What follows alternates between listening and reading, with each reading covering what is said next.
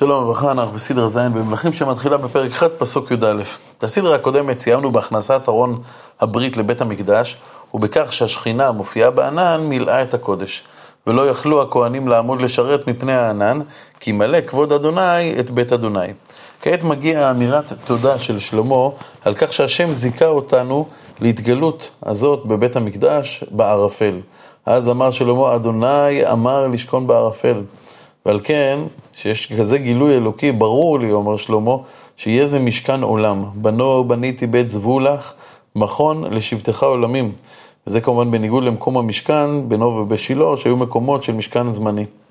שלמה שעד כה עמד ופניו אל ההיכל, פונה אל הציבור ומברך אותם. ויסב המלך את פניו ויברך את כל קהל ישראל, וכל קהל ישראל עומד. טוב, הרד"ק אומר שאת הברכה לקהל ישראל אה, לא נכתבה כאן. אבל יש לנו מיד אחר כך אה, את ההודעה של שלמה לקדוש ברוך הוא.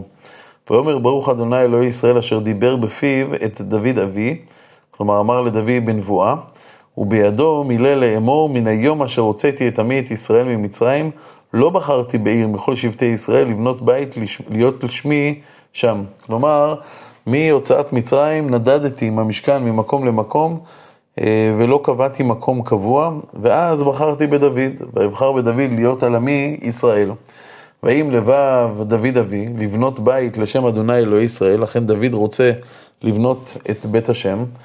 ויאמר אדוני אל דוד אבי, יען אשר היה עם לבבך לבנות בית לשמי, הטיבות כי היה עם לבבך. כלומר, הכוונה שלך לבנות את הבית הייתה כוונה טובה. אולם, רק אתה לא תבנה, לא תבנה הבית, כי אם בנך יוצא מחלציך הוא יבנה הבית לשמי. כלומר, לא תזכה לעשות את זה בפועל, אלא רק הבן שלך. ולכן אומר שלמה, כאן הנבואה שניתנה לדוד התקיימה. ויקם אדוני דברו אשר דיבר, ואקום תחת דוד אבי, וישב על כיסא ישראל כאשר דיבר אדוני, ואבנה הבית לשם אדוני אלוהי ישראל.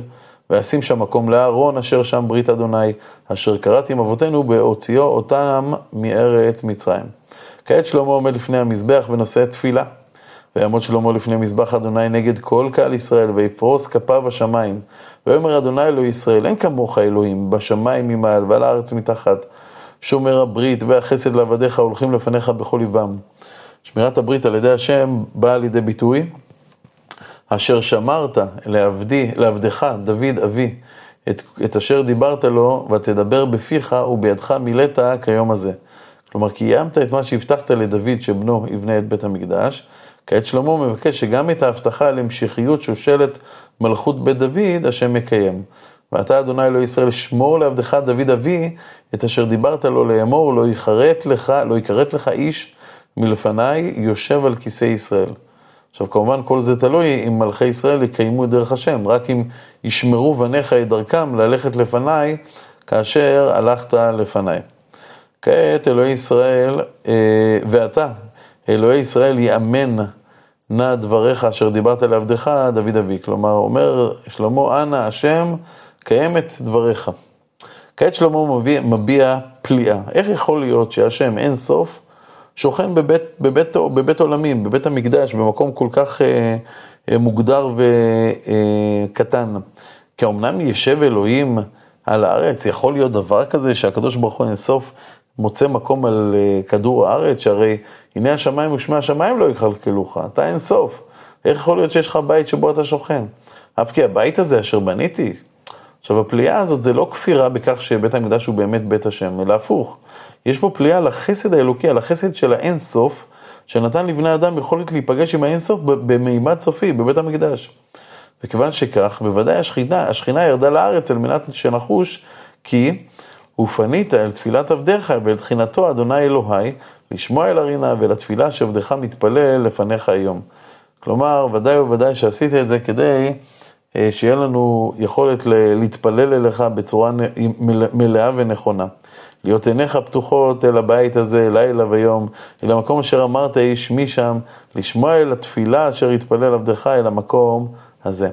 ושמעת את תחינת עבדיך ועמך ישראל אשר התפללו אל המקום הזה, ואתה תשמע אל מקום שבטך אל השמיים ושמעת וסלחת. כלומר, הבית שנבנה במקום שבו השם עצר את המגפה בימי דוד, הוא מקום שבו השם שומע, שופט וסולח. אה, נתחיל קודם בריב שיש בין אנשים שמוביל אנשים אה, להישבע בשם השם. את אשר יחטא איש לרעהו ונשא בו עלה להעלותו.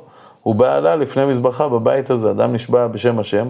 כמובן השבועה הזאת מגיעה לפני המזבח, וכיוון שיש שבועה בשם השם, ממילא השם ישפוט בצדק לטוב את מי שנשבע שבועת אמת, והופכו למי שנשבע לשקר. ואתה תשמע השמיים ועשית ושפטת את עבדיך, להרשיע רשע, לתת דרכו בראשו ולהצדיק הצדיק, לתת לו כצדקתו. אבל כעת שלמה מתאר את עיקר עניינו של בית המקדש, תפילת, תפילה להשם דרך, אה, דרך הבית הזה. נתחיל בתפילה של אה, עם ישראל, כמובן יש פה גם תפילות של אנשים פרטיים, של ציבור מישראל, וגם של אנשים שאינם יהודים, אבל נתחיל. בהנגף עמך ישראל לפני אויב אשר יחטאו לך. אם יש תבוסה בקרב, זה כמובן נובע בשל חטא, ולכן התיקון הוא, ושבו אליך ועודו את שמך, והתפללו והתחננו אליך בבית הזה. ואתה תשמע השמיים, וסלחת לחטאת עמך ישראל, והשבותם אל האדמה אשר נתת לאבותם. לפעמים הצרה מגיעה מהשמיים, יש בצורת. בהיעצר שמיים ולא יהיה מטר כי יחטאו לך. עכשיו, גם הבצורת באה בגלל חטא, ושוב הפתרון הוא, והתפללו אל המקום הזה והודו את שמך ומחטאתם ישובון כי תענם. כלומר, יחזרו בתשובה, ואז הקדוש ברוך הוא יענה להם, כי אתה תשמע השמיים וסלחת לחטאת עבדיך ועמך ישראל. ולא רק שהשם ישמע לתפילתנו, אלא גם יעזור לנו לעלות על הדרך הנכונה, כי תורם את הדרך הטובה אשר ילכו בה. ואז ממילא, ונתת מטר על ארצך, אשר נתת לעמך לנחלה. כעת יש רשימת אסונות שיכולות לבוא על ישראל. רעב כי יהיה בארץ, דבר כי יהיה, שידפון, ירקון, הרבה חסיל כי כי יצר לו אויבו בארץ שעריו, כל נגע, כל מחלה, כל תפילה, כל תחינה אשר תהיה לכל אדם, לכל עמך ישראל, גם לאנשים פרטיים וגם לכל הציבור, אשר ידעון איש נגע לבבו, כלומר שאדם ידע את הדברים שהוא צריך לתקן בעצמו, הוא פרס כפיו אל הבית הזה, כלומר יתפלל ויקבל על עצמו לתקן עצמו, ואתה תשמע השמיים מכון שבטיך וסלחת ועשית ונתת לאיש ככל דרכיו אשר תדע את לבבו, כי אתה ידעת לבבך, לבדך, כי את לבב כל בני האדם. למען יראוך כל הימים אשר הם חיים על פני האדמה אשר נתת לאבותינו. על בית המקדש הוא לא מקום דרכו רק ישראל יכולים להיגאל, אלא ביתי בתפילה יקרא לכל העמים. וגם אל אנוכי אשר לא מעמך ישראל, הוא ובא מארץ רחוקה למען שמך. כי ישמעון את שמך הגדול ואת ידך החזקה וזרועך נטויה, ובא ויתפלל אל הבית הזה, אתה תשמע השמיים מכון שבטיך, ועשית ככל אשר יקרא אליך הנוכרי, למען ידעון כל עמי הארץ שאת שמך ליראה אותך כעמך ישראל, ולדעת כי שמך נקרא על הבית הזה, אשר בניתי. אגב, זה עוד הבדל בין המשכן שהיה מכוון לעם ישראל בלבד, לבית המקדש שעניינו גאולת העולם כולו. התפילה להשם לא צריכה להגיע בעקבות תבוסה או נפילה. גם כשהכול טוב, יוצאים לקרב, הכל נראה בסדר, אנחנו עם נשקים, גם אז נכון להתפלל דרך בית המקדש. כי יצא עמך למלחמה על אויבו בדרך אשר תשלחם. והתפללו אל אדוני דרך העיר אשר בחרת בה, והבית אשר בניתי לשמך, ושמעת השמיים את תפילתם ואת תחינתם, ועשית משפטם. גם אם אדם לא יכול להגיע פיזית להתפלל בבית המקדש, כי הוא גורש והוא נמצא בגלות רחוקה. כי יחטאו לך, כי אין אדם אשר לא יחטא. וענפת בם, ונתתם לפני אויב ושבום שוב, שוביהם אל ארץ האויב רחוקה וקרובה. כלומר, אותם יהודים הובסו בקרב, יצאו לגלות, והם לא יכולים אה, להגיע פיזית לירושלים, עדיין הם יכולים לכוון את ליבם לשם. והשיבו את ליבם בארץ אשר נשבו שם, ושבו והתחננו אליך בארץ שוביהם לאמור חטאנו והבינו ורשענו.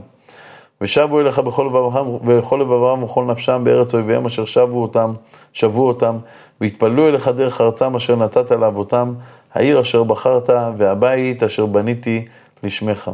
ושמעת, השמיים מכון שבטיך את תפילתם ואת תחינתם ועשית משפטם, וסלחת על עמך אשר חטאו לך ולכל פשעיהם אשר פשעו בך, ונתתם לרחמים לפני שוביהם וריחמום.